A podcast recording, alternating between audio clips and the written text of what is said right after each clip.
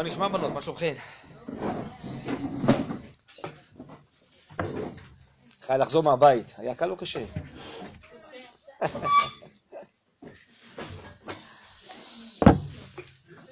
טוב. אה, רציתי לפתוח איתכם היום איזה נושא שיכול קצת אה, לגרום לנו אה, להכיר את עצמנו אולי בעוד איזה זווית. אז אני אחלק לכם קודם דפים, וזה נושא החלום, חלומות.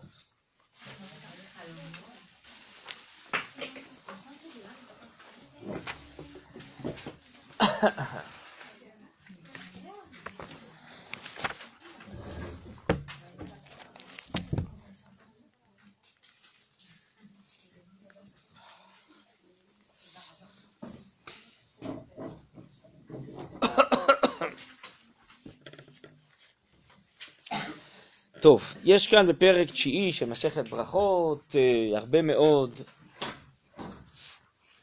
דברי חז"ל בנושא החלומות, הם עסקו בזה הרבה, גם במקומות אחרים, לנו בתורה, נכון? בהמשך בחומש בראשית, פרשיות בחלומות אה, פרעה וחלומות יוסף. ובכלל זה נושא כזה מיוחד, לא לפעמים חולמים בלילה, ומה זה חלום, ומה זה אומר, לא. משהו כזה רוחני, לפעמים מעניין, לפעמים מפחיד, לא? אז רציתי איזה משפט אחד, אה, אה, לקרוא לפחות משפט אחד כאן בחז"ל, וקצת אה, לפתוח את הנושא, ודרך זה קצת לפתוח את נפשנו. אז תראו כאן בגמרא למעלה, בעמוד 266,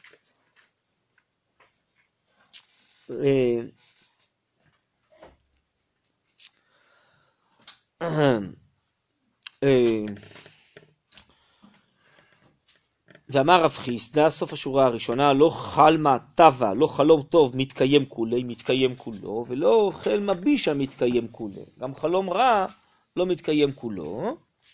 אמר רב חיסדא, חלמה דלא מפשר, חלום שלא פטור, כאיגרתא דלא מקריאה. כמו איגרת שלא קראו אותה, לא פתחו אותה.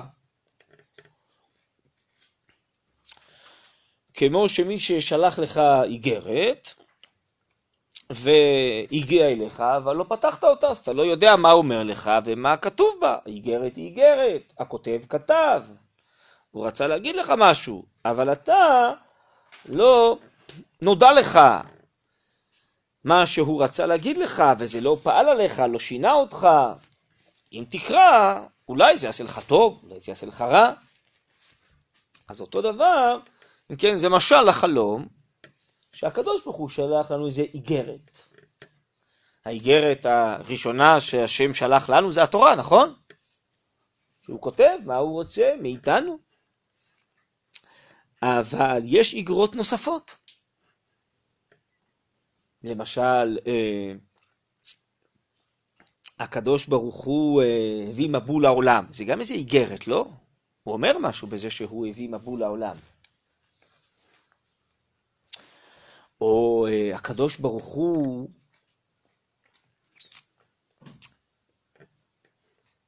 אתם יודעים, בפרשה שלנו, מלחמת ארבעת החמישה, זה מלחמת עולם הראשונה, ככה רבינו הרב צודה קורא לזה. שם זה היה האומות החזקות של אז, נכון?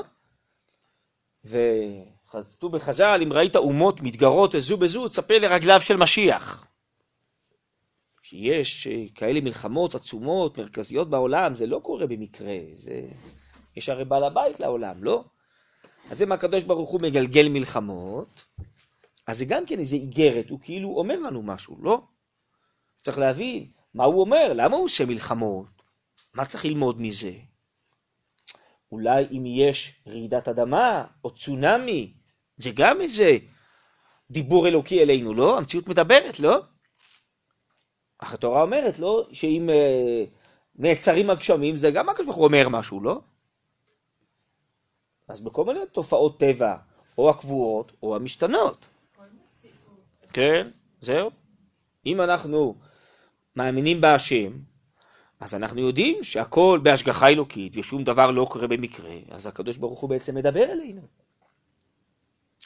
בעניינים טבעיים כלליים, באירועים היסטוריים של עם ישראל, יציאת מצרים, מתן תורה, הקמת מלכות ישראל, היום קיבוץ גלויות שלנו לארץ ישראל, הקדוש ברוך הוא אומר משהו.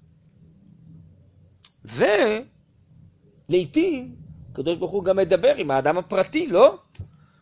הוא מביא לו איזו הצלחה, או מביא לו איזה כישלון, או מנסה אותו באיזה ניסיון, נכון? זה גם שהקדוש ברוך הוא מדבר איתו. אז יש עוד סוג של דיבור, שזה על ידי החלום. שוב, הגמרא אומרת כאן גם כן בפרק תשיעי, אין חלום בלא דברים בטלים, ואולי זה לא חלום אמיתי, טוב, אז... אה, אבל לו יצויר שאנחנו נזכה לחלום אמיתי,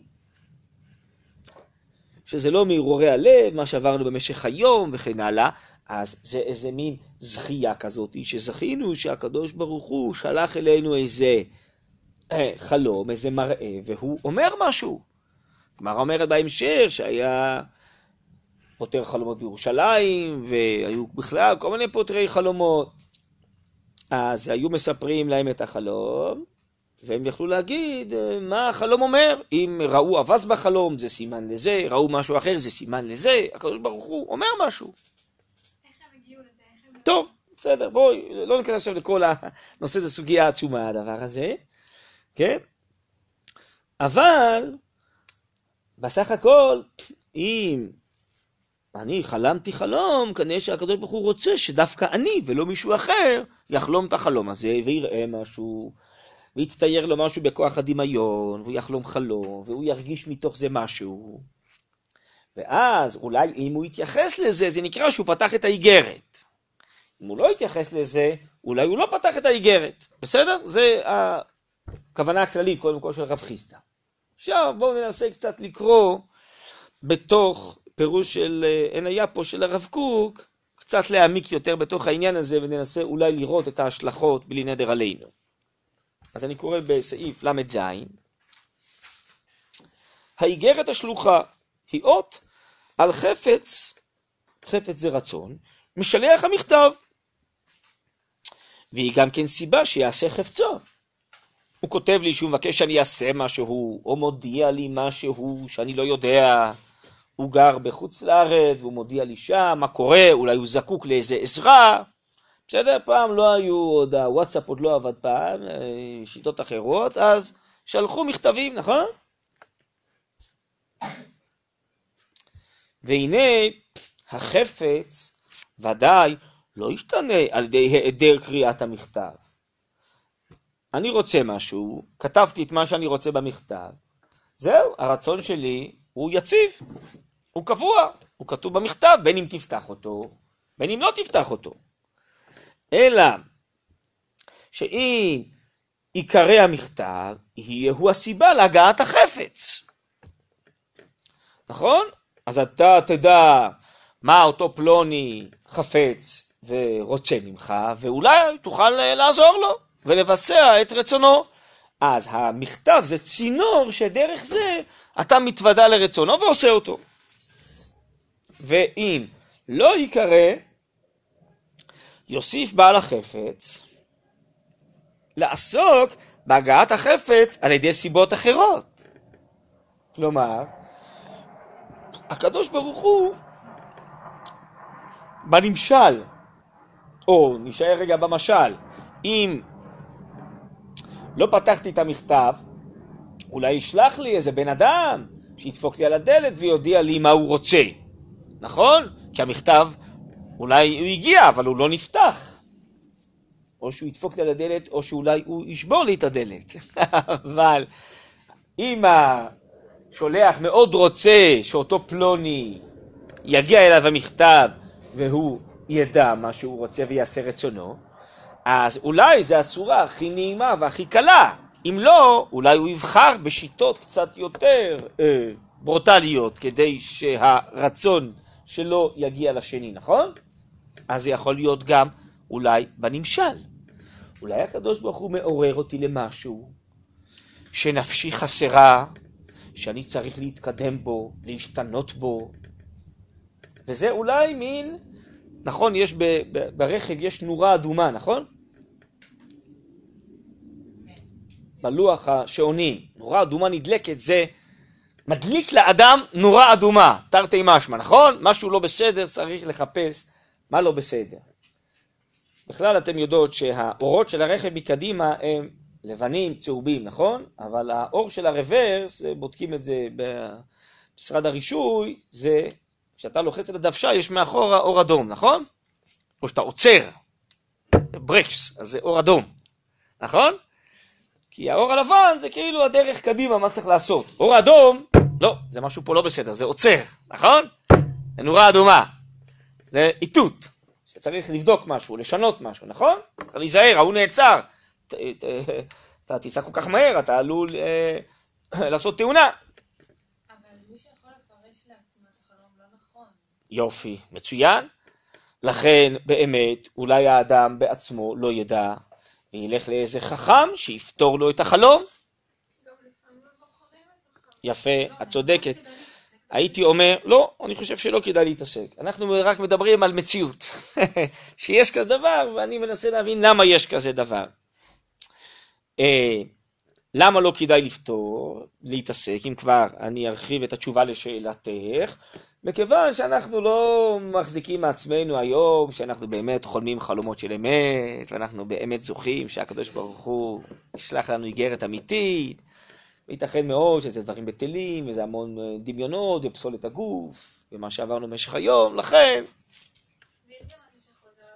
או, אז אולי כן, נכון? זה אחד הסימנים, אומר אברבנאל, מחלומות פרעה, הוא לומד את שהחלום חוזר ונשנה, סימן שזה חלום של אמת.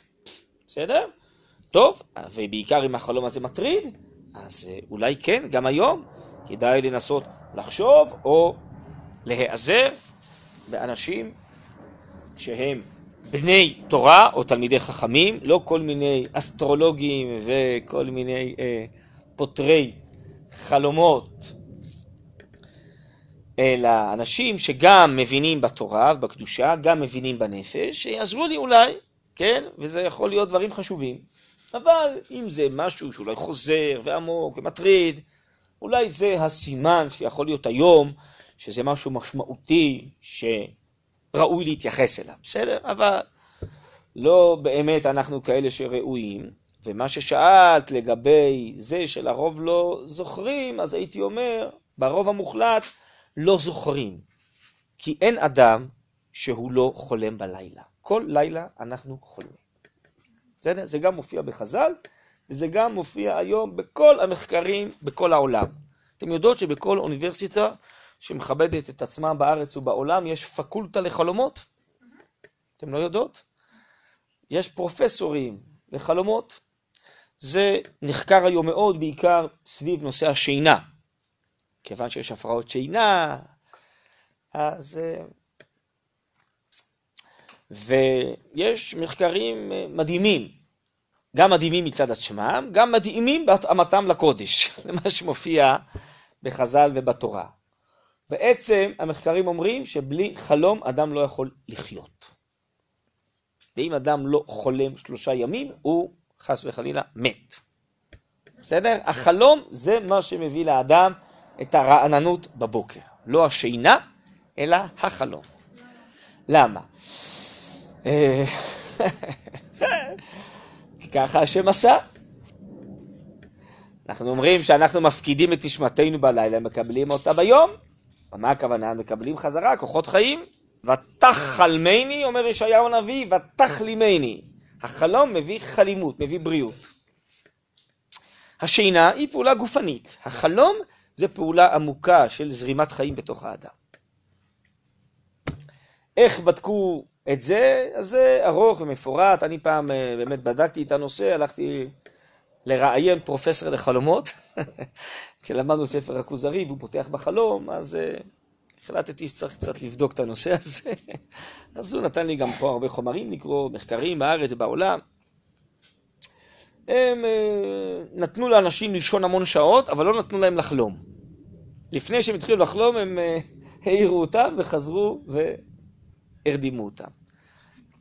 הם מסבירים שכל אה, השינה שלנו בנויה מאיזה ארבעה מעגלים, שאתה נכנס לתוך חלום, חולם כמה דקות ויוצא החוצה, וחוזר חלילה. ואם אדם, נגיד, ישן שמונה שעות, מתוכם הוא חולם שעתיים. והם יודעים למדוד את זה, שהאישונים זזים, ובעצם אה, קצב הפעימות הלב עולה, והאדם רואה דברים, בקיצור, אה, ואם מעירים אותו מיד, אז הוא זוכר המון דברים, כי זה מיד אחרי החלום. אה,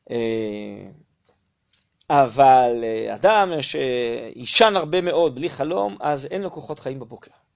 פשוט הוא לא מסוגל לעשות כלום, וגם אין לו שום כוחות מחשבה, כוחות יצירה. טוב, בקיצור, דברים מאוד מעניינים.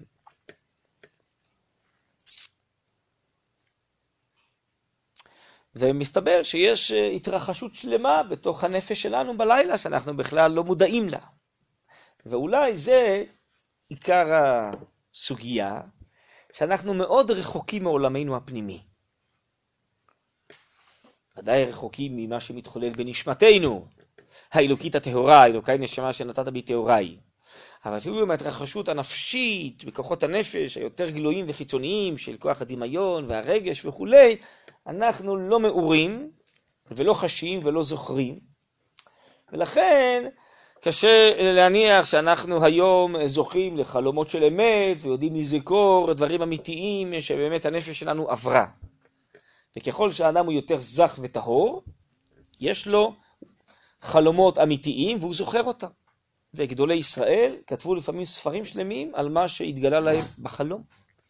והחלום עורר אותם לכל מיני דברים. למשל, יש חלק מן הפוסקים שפסקו איזה פסק, ובחלום עוררו אותם שהם פסקו לא נכון. אז הם חזרו, חזרו ועינו בסוגיה בבוקר, כי אפשר לפסוק לפי חלומות, צריך לפסוק לפי שכל של תורה. הם בדקו והם ראו שהם טעו. כן, האדם, ככל שהוא יותר זך וטהור, ופחות ענייני הגוף וההשפעות הזרות החיצוניות משפיעות על נפשו, הוא יותר מקשיב ושומע את כל נפשו הפנימית. הבעיה שלנו היום בעולם, שאנחנו חיים בצורה כזאת שכל אירועי הנפש והגוף משתיק, משתיק קול, את הקול הפנימי של נפשנו ונשמתנו. אנחנו לא מספיק מעורים בעולם הפנימי שלנו, כן? וכל מיני דברים לא חשובים, או רק דברי חומר וגוף, אנחנו עסוקים בהם. ולא באמת מה שמחשיב הקדוש ברוך הוא, ומה שמחשיבה נפשנו, גם לנו הוא חשוב בבחירה החופשית שלנו. הגמרא אומרת על הפסוק שבע ילין, בא להיפקד רע. גמרא מסכת ברכות. אל תקראי שבע אלא שבע. כיוון שישן אדם שבעה ימים בלא חלום נקרא רע. אז מה הכוונה? הרי האדם חולם כל לילה, אלא הכוונה היא שבעה ימים הוא לא זוכר חלום, הוא נקרא רע. למה הוא נקרא רע? כי הוא כל כך רחוק מעולמו הפנימי. אז זה מראה שהוא... אז אנחנו כולנו כאלה, מה נעשה? זה מצב העולם היום, אנחנו שקועים בטיט, באבן מצולה עמוק מאוד. ברוך השם, כן, אז זה מצוין. זה אומר שהוא כנראה, אבל אולי הוא זוכר כל מיני חלומות של הבל, מה שהגמרא אומרת, חלומות של שד, לא חלום של מלאך, חלום אמיתי. טוב, אז זה עניין אחר. יש חלומות שהם דברים בטלים. אז צריך ש... אה, תלוי חלום של מי. לא, אני מנסה להבין. האם כאילו רק אה, אה, פעם ב... יש חלום שהוא נבואה? שוב, אני חוזר ועונה, תלוי למי. יש גדולי ישראל, יש להם הרבה חלומות אמיתיים ללילה, אבל בני אדם כמונו, סביר להניח שאם יש איזה חלום של אמת וזוכרים אותו, זה פעם ב... ויכול להיות שיש לנו הרבה חלומות, אבל אולי חלקם הגדול דברים בטלים, לכן אמרתי להיזהר ולא להתפעל יותר מדי. משהו כזה, זה נקרא בחז"ל חלום אחד משישים בנבואה, נובלות נבואה. אבל שוב, זה כשזה חלום אמת וכשאנחנו באמת שייכים לזה, כן? כנראה שהוא, כשהוא שולח איגרת, הוא שולח חלום, ואנחנו זוכרים אותו, אולי זה בא לעורר אותנו, תשמע, יש התרחשות נפשית שלמה, אתה לא מכיר אותה, דפקתי עכשיו טוק טוק על הדלת.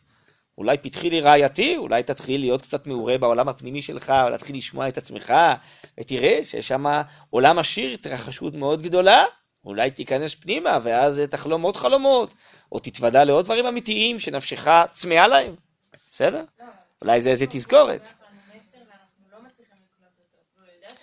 אז יכול להיות שאדם, אה, לא, זה שאולי האדם בבחירתו החופשית יתרחק מעולמו הפנימי, ואז אפילו המסר שהשם שולח לו לא מגיע אליו.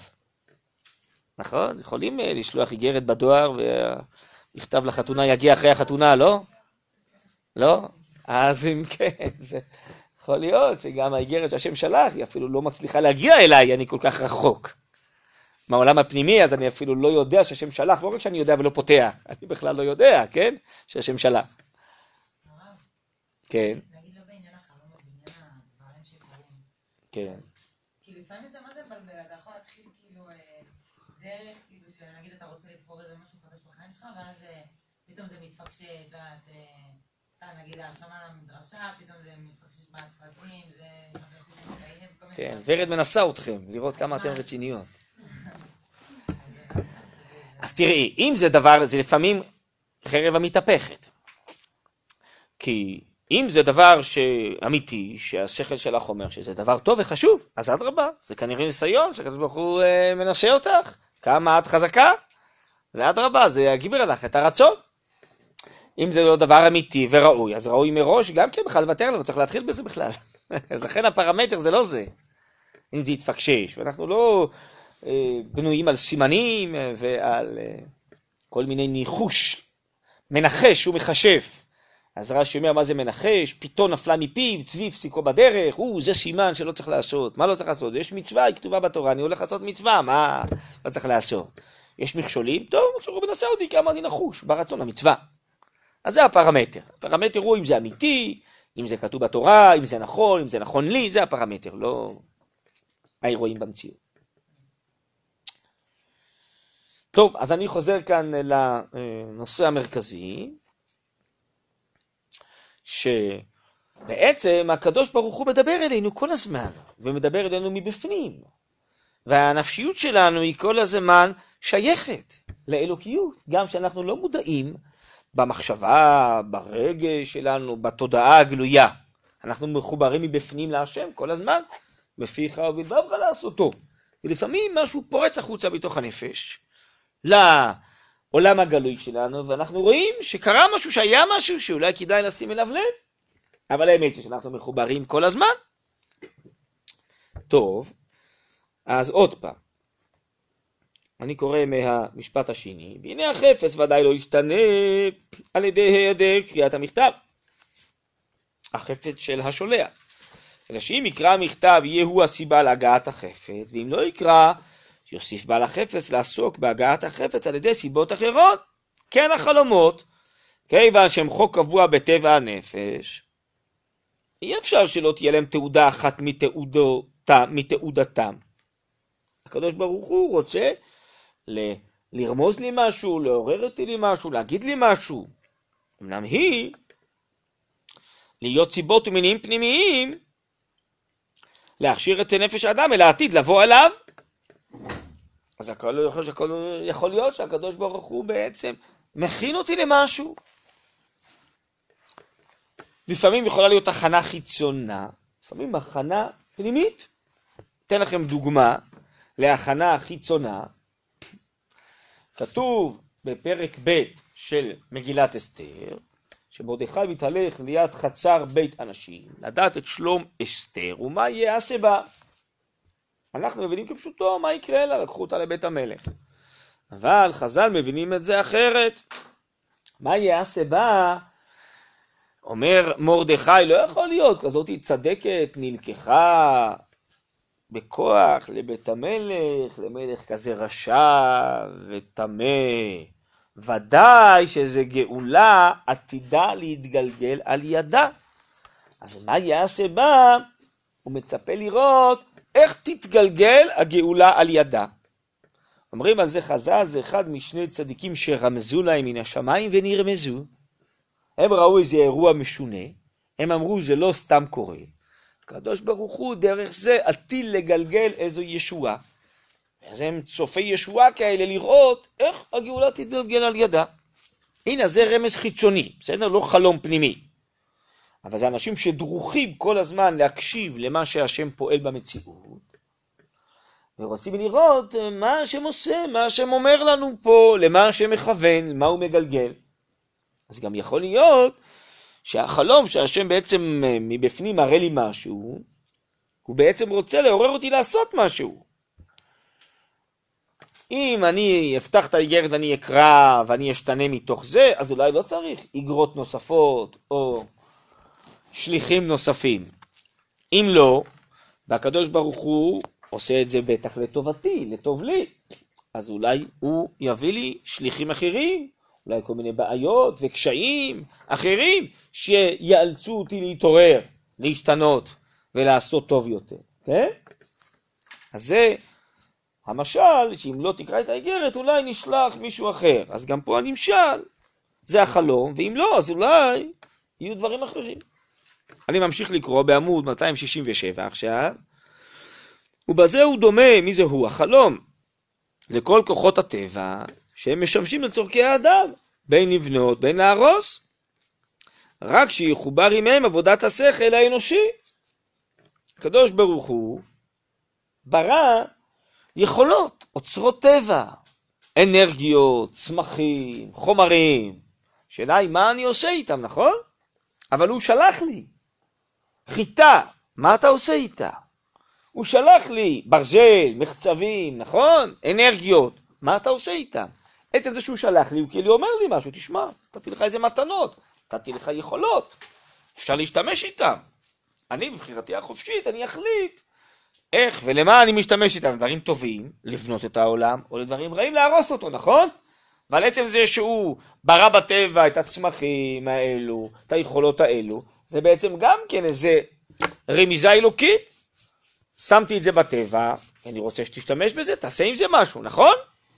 יכול לא לעשות כלום, או לעשות עם זה טוב, או לעשות עם זה רע.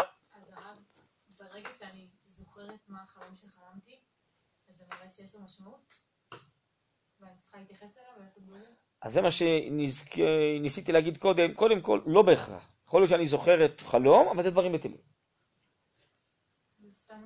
כן? זוכרת, אבל זה בעצם אין חלום, זה דברים בטלים. אבל אולי אם אני זוכרת איזה חלום שחוזר כל הזמן, וחלום שמטריד אותי, אז ראוי לברר, ככה אני חושב. אבל סתם זכירת החלום עדיין לא מעיד. וזה שאנחנו רחוקים מהנפש, לכן אנחנו בכלל לא זוכרים הרבה מאוד חלומות שאנחנו חולמים כל לילה. אבל גם אם נזכור, עדיין יכול להיות שזה דברים בטלים. כי אנחנו לא באמת כאלה אנשים שיש לנו דיבור ישיר מהקדוש ברוך הוא שהוא מדבר איתנו כל הזמן. אבל אם בכל זאת יש כן איזה חלום שחוזר ונשנה ומטריד, אז אולי כדאי כן לבדוק את זה. הלאה. כן ההוצאה, אני ממשיך לקרוא מן הכוח אל הפועל, את ההסתגלות הנפש למצב העתיד לבוא עליו על ידי החלום, הוא שייך אל חוכמת הפתרונים. בעצם החלום זה איזו התרחשות בנפש. פתרון החלום זה בעצם לפתוח את הנפש, לפתוח את מה ששלחו לי באיגרת. ובעצם אה, רוצים להגיד לי שאני צריך אולי להשתנות, לשכלל, לפתח משהו בנפשי. אז פתרון החלום הוא בעצם להתוודע על העולם הפנימי שלי ולשחרר, להוציא מן הכוח אל הפועל דברים שעוד לא יצאו, והנפש היא מלאה וקדושה בדברים.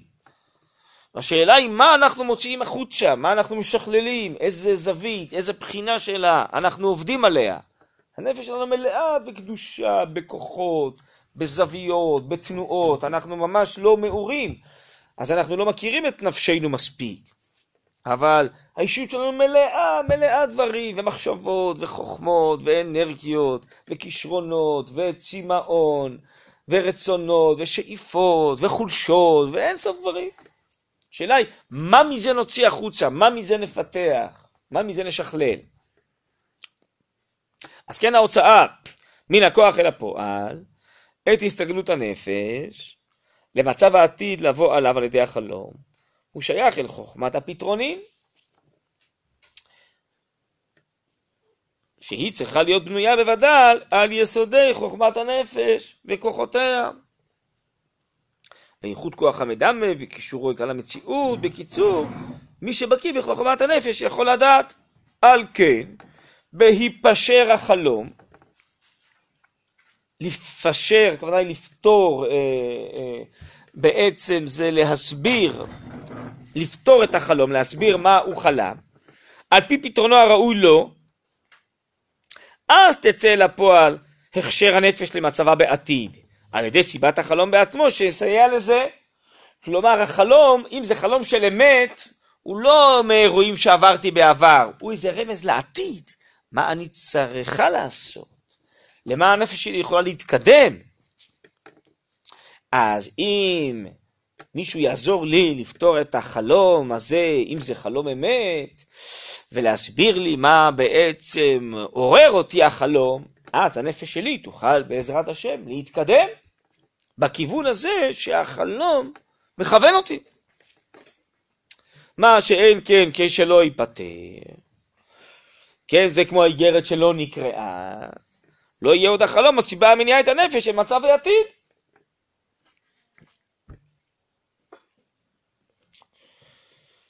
בסדר? אז אם כן, לא נגיע לכך שבאמת הנפש תצא לפועל כמי שהיא אמורה לצאת לפועל, וזה חבל. בואו נספר לכם איזה סיפור על חלום.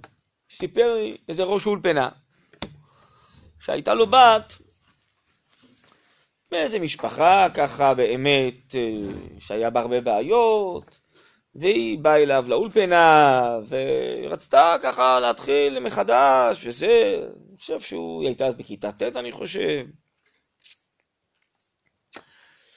וברוך השם התחילה להשתלב אה, באולפנה ולעלות על אה, מסלול חדש. ואז היא התחילה לחלום אה, כל לילה חלומות לא נעימים, מפחידים. מה היא התחילה לחלום? שהיא חולמת שהיא בהלוויה של עצמה. מפחיד, לא? מפחיד? טוב, אז היא סתם גם כן אמרה לעצמה, זה דברים בטלים. ברוך אתה אדוני אלוהינו מלך העולם, שהכל נהיה בדברו. אבל אה, כמו שאמרתם, זה חזר לילה לילה, וזה הטריד אותה. אז היא ניגשה לראש האולפנה שלה וסיפרה לו, אז אבל אל תעזבי, זה מה שהגמרא אומרת, אין חלום ולא דברים בטלים, סתם חבל על הזמן, אל תתייחסי. טוב, אבל זה המשיך, זה לא הפסיק, עד שלילה אחד היא חלמה שהיא בהלוויה של עצמה, וראש האולפנה שלה מספיד אותה. אה? מוגזם, לא? טוב, אז היא אמרה לו, באה אליו וספר לו את זה כבר, שהחלום משתכלל, לא נשאר על מקומו.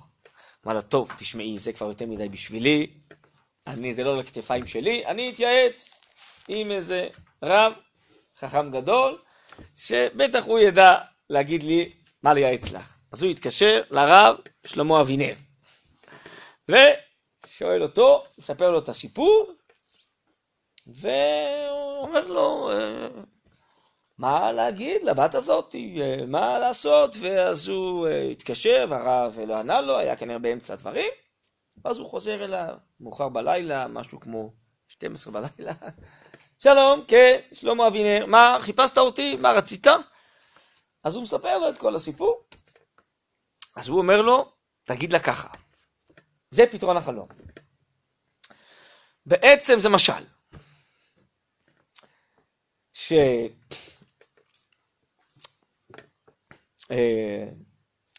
מה שהיא חולמת, שהיא בהלוויה של עצמה, היא כאילו קוברת את צורת החיים הקודמת שלה, כי לפי מה שאתה מספר, אצלך באולפנה היא מתחילה צורת חיים חדשה. כיוון שאתה עוזר לה לעבור לצורת החיים החדשה, וזה, ולבנות את עצמה מחדש, לכן אתה זה שבחלום מספיד אותה, מספיד את צורת החיים הקודמת שלה, ואתה עכשיו, טוב, הוא שמע, נדהם מהסבר החלום, התקשר אליה, תבואי עכשיו, אני צריך להגיד לך משהו. לא, אז הלכתי לישון, תבואי עכשיו, אני חייב להגיד לך, עכשיו זה כבר היה 12 וחצי בלילה, חייב להגיד לך, טוב, קיצור, בא, שמע את הפתרון הזה, התחילה לבכות. זה בדיוק כמו שאני מרגישה. בדיוק כמו שאני מרגישה. מה שהרב אה, שלמה אבינר הסביר, זה ממש ממש מסביר לי שאני מרגישה מבפנים שזה מה שהחלום באמת אומר לי. טוב, אבל לפני שאותו ראש אולפנה סגר את הטלפון, שאל את הרב אבינר, אבל מאיפה הרב יודע שזה הפתרון של החלום? כן, מאיפה אתה יודע? אז הוא אה, ענה לו משהו, אה, מה זה כתוב באיזשהו מקום? הוא שאל אותו, מאיפה אתה יודע שזה הפתרון של החלום? אז הוא לא זוכר, ענה לו משהו, ושמו את הטלפון. אז הוא סיפר לי את זה. אמרתי לו, איזה שאלות אתה שואל? שמה אתה שואל שאלות בטלות? מה אתה שואל את הרב אבינר, מאיפה הוא יודע? אדם שהוא כל כך מסור לכלל ישראל, ולהועיל לדור, ולהועיל לאנשים, ולעשות איתם חסד. אז הוא זוכה שיש לו איזו הברקה של אמת, שהקדוש ברוך הוא מלמד אותו באותו רגע. מה בעצם החלום הזה אומר? זה פתרון החלום, אז הוא לא רצה לתלות את זה בעצמו, אז מה אתה מנקץ לו, וזה, שהוא יגיד לך שזה, הוא יודע מבפנים שזה הפתרון של החלום, אז הוא זה, ככה דחה אותך בקנה.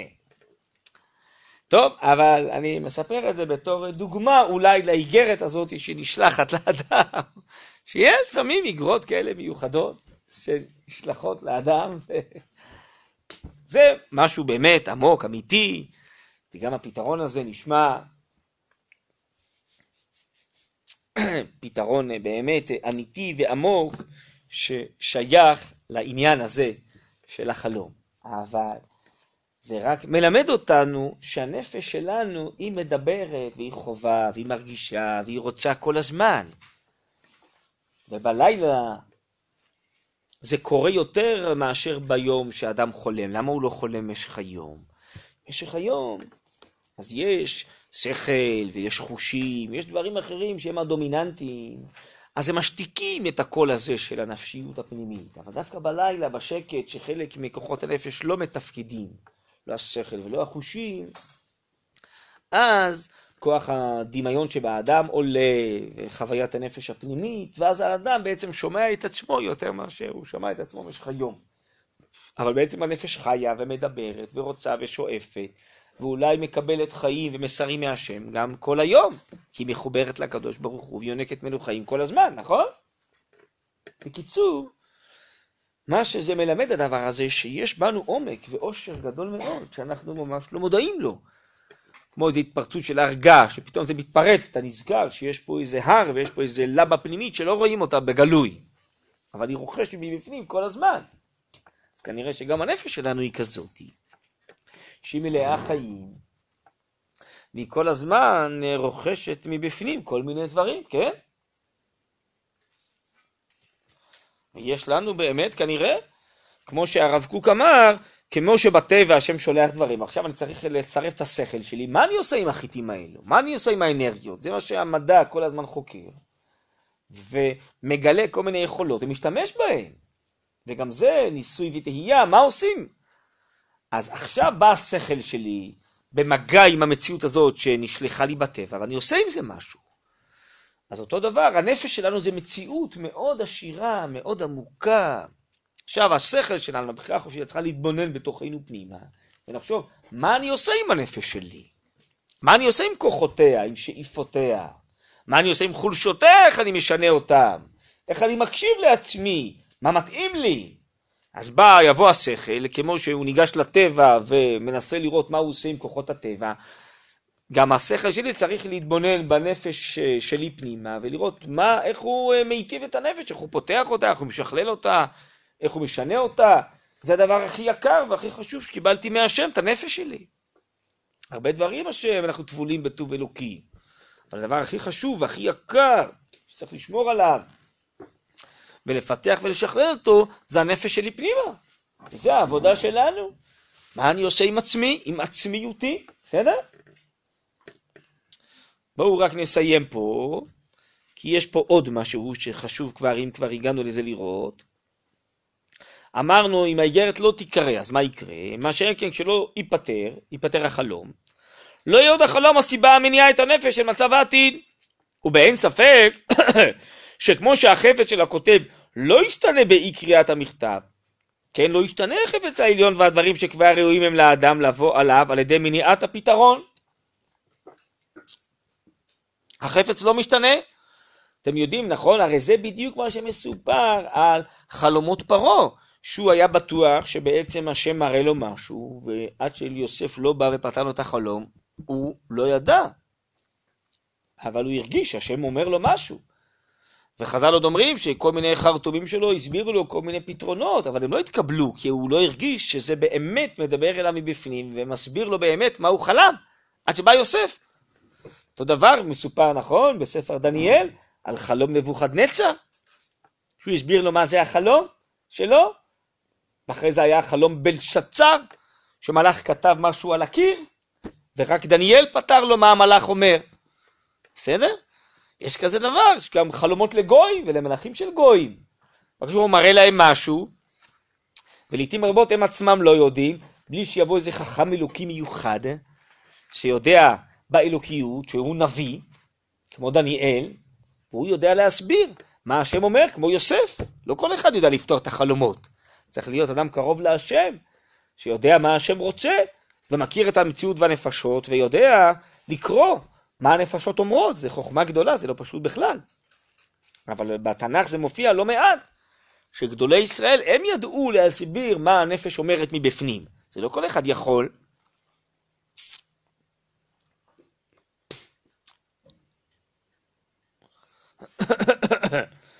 אלא, עכשיו אמרנו שהחפץ לא ישתנה, אז השם שלח לי איזה מסר, והוא רוצה שאני אקרא. אם אני לא אקרא, אז הוא ינסה לעורר אותי בצורות אחרות. אלא שהנהגה האלוקית הכללית תבוא למבוקשה על ידי סיבות אחרות, חיצוניות ופנימיות. אז הקדוש ברוך הוא אולי יכריח אותי בכל מיני צורות אחרות להשתנות, ולעשות חשבון נפש, ולהבין שיש פה איזה בעיה, וינסה אותי אולי בכל מיני ניסיונות.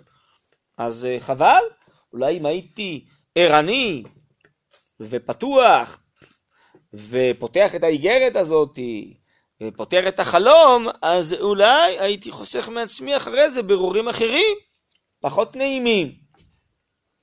ועל כל פנים יקראו הפותרים הגורמים אל המצב העתיד של החלום, באשר הם הניעו את הסיבה. אף שבבלעדם היה הדבר נעשה על ידי סיבות אחרות. לא פותר החלום הוא זה שבעצם גורם לרצון האלוקי. הרצון האלוקי זה הוא שלח את האיגרת, אני רק פתחתי לך את המכתב והקראתי לך מה כתוב באיגרת. אז פותר החלום יסביר לי בנפש מה חשתי. אבל הקדוש ברוך הוא, הרצון שלו, לא יניח ידו. ואם אני לא אקרא את האיגרת, זה לא ישתנה על פי האיגרת הזאת, אז השם אה, יגלגל את רצונו בצורות אחרות. דומה דבר זה למה שאמרו חז"ל על הפסוק יפול הנופל ממנו. מדובר מי שנפל, ומת, ראוי הוא ליפול מששת ימי בראשית, אלה שמגלגלים זכות על ידי זכאי וחובה על ידי חייו.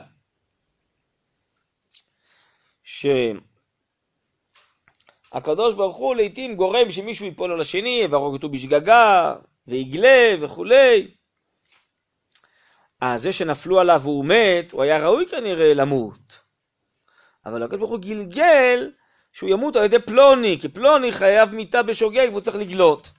אז הוא גלגל את החובה על ידי חייו. חייב לגלגל את זה בצורות אחרות. לא.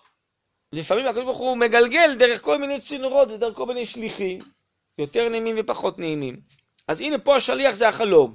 אם לא, לא יגלגל זה שליחים אחרים. אבל הכל זה רצון השם. זה נקרא מגלגלים זכות על ידי זכאי וחובה על ידי חייו. לפעמים הקדוש ברוך הוא מגלגל דברים טובים על ידי אנשים טובים, דברים רעים על ידי אנשים רעים. ומכיוון שהם ממילא רעים, אז הוא מגלגל דברם עוד דברים רעים גם לאחרים וכולי. אז מי ש...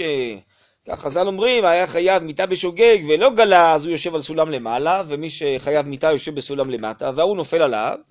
זה שהיה צריך להיהרג נהרג, וזה שהיה צריך לגלות עכשיו אה, גולה, כי הוא הרג בשוגג. זה שהקדוש הוא מגלגל זכות על ידי זרע וחובה על ידי חייו במקרה הזה. טוב, בכל אופן זה מבט אמוני על המציאות, שכל מיני דברים שהם קורים זה לא במקרה קורה, זה מכוון בהשגחה אלוקית מדויקת. כן. באים עליהם מישהו ניסיונות, זה אומר שבהכרח הוא לא מספיק, אה, לא יודעת, כאילו, או שהגמרא אומרת, זה יכול להיות גם כן איסורים של אהבה, רוצים לאתגר אותו, להרבות זכויותיו, אז כל מיני ניסיונות יכריחו אותו לחשוף עוד כוחות ועוד גבורות ועוד אמונה כדי להתגבר, כן? כי השם כל כך אוהב אותו, אז הוא רוצה להוציא את כוחותיו לפועל. אז האתגרים. ולא על ידי מה? לא. אה, טוב, זה כבר באמת סוד השם. לפעמים האדם מביא לאדם שמחה והצלחה, ודרך זה הוא מוציא את כוחותיו לפועל. נכון, זה לא חייב להיות רק ניסיונות ודברים רעים. זה כבר סוד השם, באיזו צורה הוא יעורר את האדם, ומה ראוי לאדם להתעורר בצורה יותר טובה, פחות טובה, זה בטח תלוי באדם, בזכויותיו, אבל המבט שלנו צריך להיות כזה. לפי מה שמתאים לנפשי הפנימית, כך יתגלגלו האירועים סביבי. המבט שלנו כרגיל הוא הפוך. קורים דברים, הם קורים במקרה. מה זה משפיע עליי? למה זה קרה?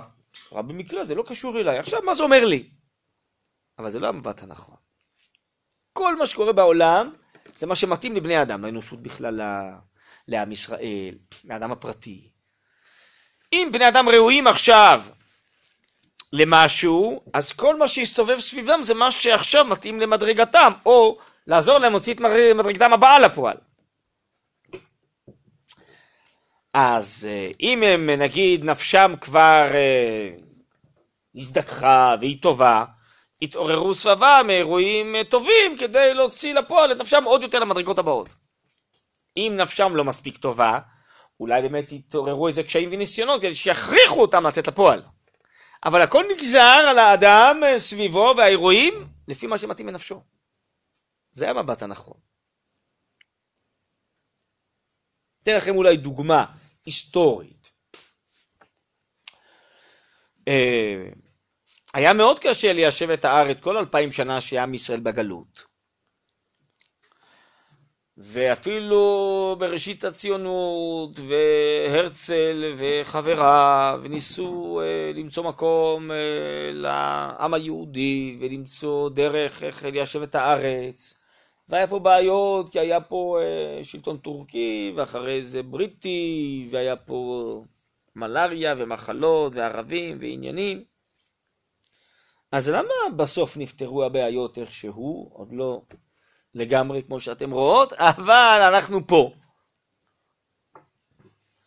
ולמה הם לא נפטרו אלף שנה קודם והגענו לפה אלף שנה קודם?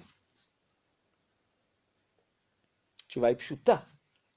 כשאנחנו התעוררנו והחלטנו שהגלות הסתיימה, ואנחנו חייבים להגיע לפה, נוצרו בסוף סביבנו האפשרויות להגיע לפה. כיוון שלא התעוררנו אלף שנה קודם, אז לא נוצרו האפשרויות אלף שנה קודם. אבל גם כשהחלטנו, נכון, עוד לא השתכנעו הזבובים של המלאריה ועוד נשארו פה, נכון? ועד שבסוף היינו מוכרחים למצוא את הסיבה למלאריה עד שמצאו שזה הזבוב הזה ובסוף סילקו את זה, נכון? אז בסוף, כשיש איזה מין אה, מעמד נפשי כללי של האומה במקרה הזה, יש עוצמה ורצון, בסוף הדברים בפוליטיקה, במדיניות, בשטח, בטבע, בסוף מסתדרים סביבנו. אבל זה מאיפה מתחיל? מהנפש הפנימית של האומה, לא מתחיל מהמציאות. המציאות לא השתנתה כל אלפיים שנה. ולא היה יותר קל לפני אה, מאה שנה מאשר לפני חמש מאות שנה. זה אותו דבר, היו קשיים בלי סוף. אז זה מה שמלמד אותנו, אומר הרב קוק בהרבה מאוד מקומות, שכל מה שקורה בהשגחה כללית ופרטית, הכל מתאים, מותאם תמיד לנפשנו, למדרגתנו, מה יקדם אותנו מוסרית, מה יעלה אותנו, מה ראוי לנו. כמו שהתורה אומרת, אם אתם ראויים יהיה גשם, אתם לא ראויים לא יהיה גשם. זה נגזר מתוך מעשיכם. זה לא אני מחליט, זה אתם מחליטים. אני מנהיג את הטבע ואת ההשגחה סביבכם לפי מה שראוי לכם. בסדר? ואנחנו אחראים על המציאות, גם אפילו למציאות הטבעית סביבנו. אתן לכם עוד דוגמה, לא יודע אם הזכרתי את זה השנה. אני אוהב רק להזכיר את זה. אם הזכרתי, אז נצרף את זה עוד פעם לפה. שהאיש הזה שניסה להרגיז את הלל בשבת בין השמשות, אחת השאלות שהוא שאל אותו זה למה הראשים של הבבליים סגלגלות? ראש כדורי כזה ולא מקומר כמו שאר בני אדם. אומר להם כי אין להם חיות פיקחות. אין להם מילדות טובות. אז אם הראש הוא מקומר, אולי הוא יפצע את היולדת, לכן עשו, עשה השם שינוי מהמבנה של שאר בני אדם, משהו קצת מוזר, משונה, קצת מצחיק אולי, כזה ראשים כדוריים כאלה. אבל הקדוש ברוך הוא חס עליהם, כי אין להם מילדות טובות, ואז הוא לא רוצה ששם האימהות, היולדות תיפגענה, אז הוא עושה שהראשים יהיו כדורים, בסדר? אז יש שינוי טבעי. מי שמסתכל בחוץ, אומר, זה ככה בטבע, במקום הזה, ככה קורה. לא, זו השגחה אלוקית מכוונת. הוא חס על בני האדם שגרים במקום הזה. ולכן הוא דווקא שינה פה, ולא במקומות אחרים. במקומות אחרים יש מילדות טובות, פה אין. ממוצא דבר תבין, אומר שם הרב קוק בעינייה, שאם הם ייקחו אחריות על עצמם ויעשו קורסים למיילדות, ויהיו אחיות טובות, מיילדות טובות, במשך הזמן, לא יהיה צורך עכשיו שהראש יישאר עגול, הוא יוכל לחזור להיות מקומר כמו של שאר בני אדם, כי כבר לא תהיה אותה בעיה רפואית שהייתה פעם, נכון? אז זה שהם ייקחו אחריות, ויקחו אחריות אה, מוסרית, רפואית על עצמם, בסוף הטבע הסביבה משתנה, כי אין צורך בזה יותר. זה, זה טרחה כלפי שמיא לשנות את הטבע בשבילם, אבל הוא עושה את זה כי הוא מרחם עליהם, אבל אם כבר לא יהיה צורך והם ידאגו לעצמם, אז לא יצטרך שינוי הטבע, אז הכל מתחיל מאיתנו, לא מתחיל מהטבע. ככה צריך לראות את המציאות. אז אותו דבר, מה שעסקנו בו בחלומות, חלומות זה איתות לנפש, פנימה.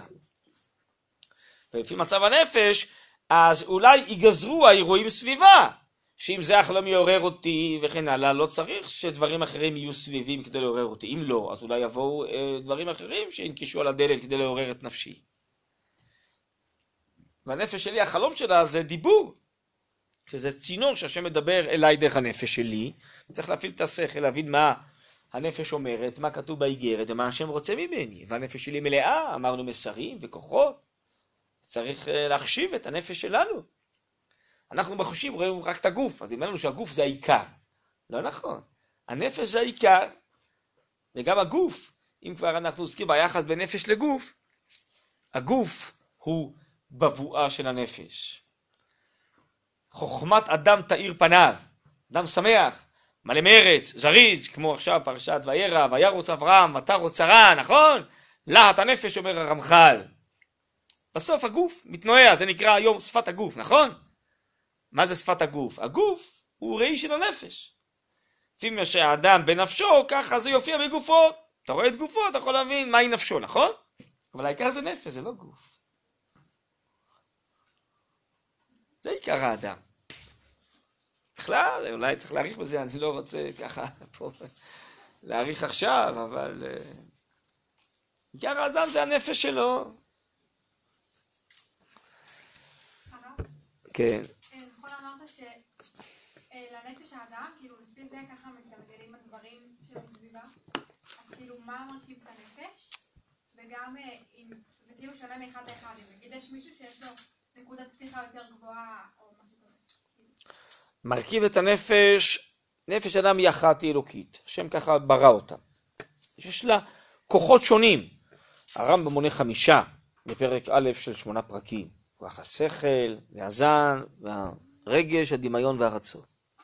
זה כוחות שהם, נקרא לזה, פתחים של הנפש, צינורות של הנפש, של עצמות הנפש האחדותית שבי, שדרכה אני פועל בגוף. הנפש היא אחת.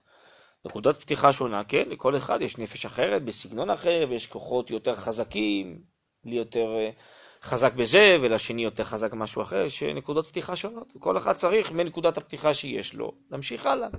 הרם אומר, אדם לא נולד עם טבע נפשי. הוא נולד עם איזו נטייה שהוא יותר בקלות קולט משהו מסוים, ואחר קולט משהו אחר, וכל אחד צריך לעבוד על עצמו, אם זה טוב או רע, אז... אה, אה, אם יותר קשה לו לקנות את הדבר הזה, אז יעבוד על עצמו יותר. מוכנות לתכונות, מוכנות לכיוונים יש מהלידה. אבל לא שהשם הכריח וקבע כבר שלי יהיה תכונה כזאת או תכונה אחרת. זה לא. זה נגד האמונה, אומר הרמב"ם. הוא לא קובע לי.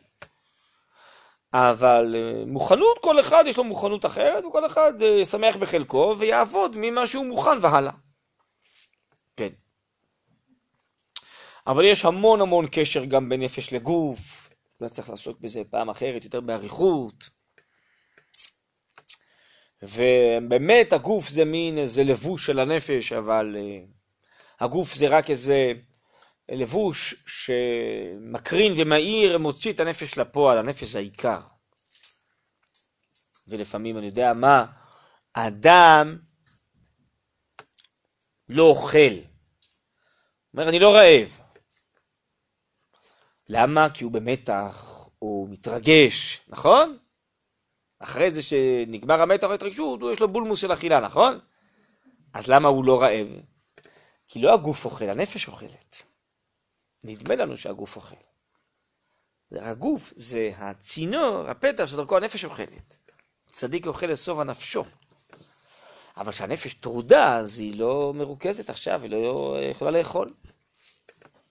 אה, אני יודע מה, לא יודע מישהי מכם עברה טסט.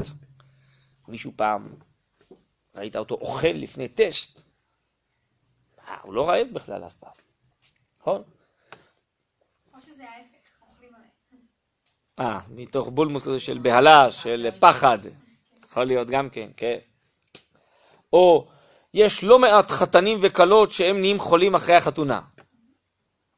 למה? מה זה, זה טוב להתחתן, למה נהיים חולים אחרי החתונה? כי לפני החתונה אין זמן להיות חולים. נכון? עכשיו יש זמן, עכשיו אני יכול לשחרר את הנפש שלי, להרשות לעצמי שהגוף שלי יהיה חולה. טוב, לא, זה לא כולם ככה, אבל אה, יש תופעה כזאת די מצויה. יש קשר בין נפש לגוף, זה לא, זה הכל אורגניות אחת. טוב, אז זה, על זה אולי נאריך קצת אולי פעם הבאה, בסדר? על הקשר, תזכירו לי, בסדר? שרציתי לדבר, זה, יש לה הרבה עניינים בזה, ומלמדים דברים חשובים, אבל לא רוצה עכשיו להתחיל את זה, זה ארוך. אז אולי פעם הבאה נדבר על הקשר בין נפש לגוף. טוב, אם אתם רוצות, אנחנו נגד אה, כפייה דתית, רק אם אתם רוצות. אם אתם רוצות, נדבר על הקשר בין נפש לגוף. טוב, בלי נדע. טוב, יישר כוח.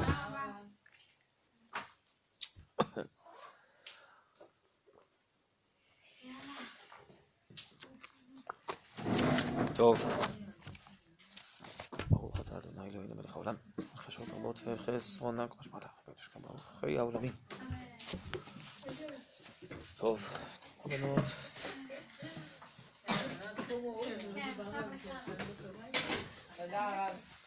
בבקשה, בשמחה.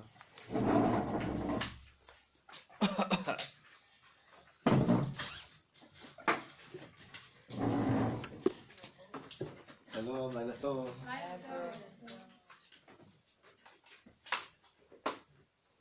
רוצה לשמוע איך היה באילת כרעי? אה, צר החידוד? כן, בתפילת פסח אחרי החתונה, מה כזה?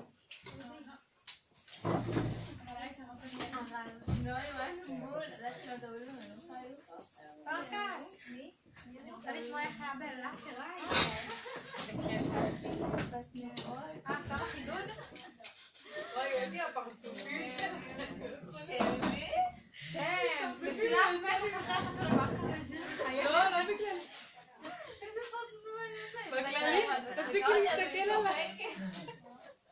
לי זה יוצא, אני כאילו מוציאה הבהרות מהפה שלי כי את מצחיקה אותי.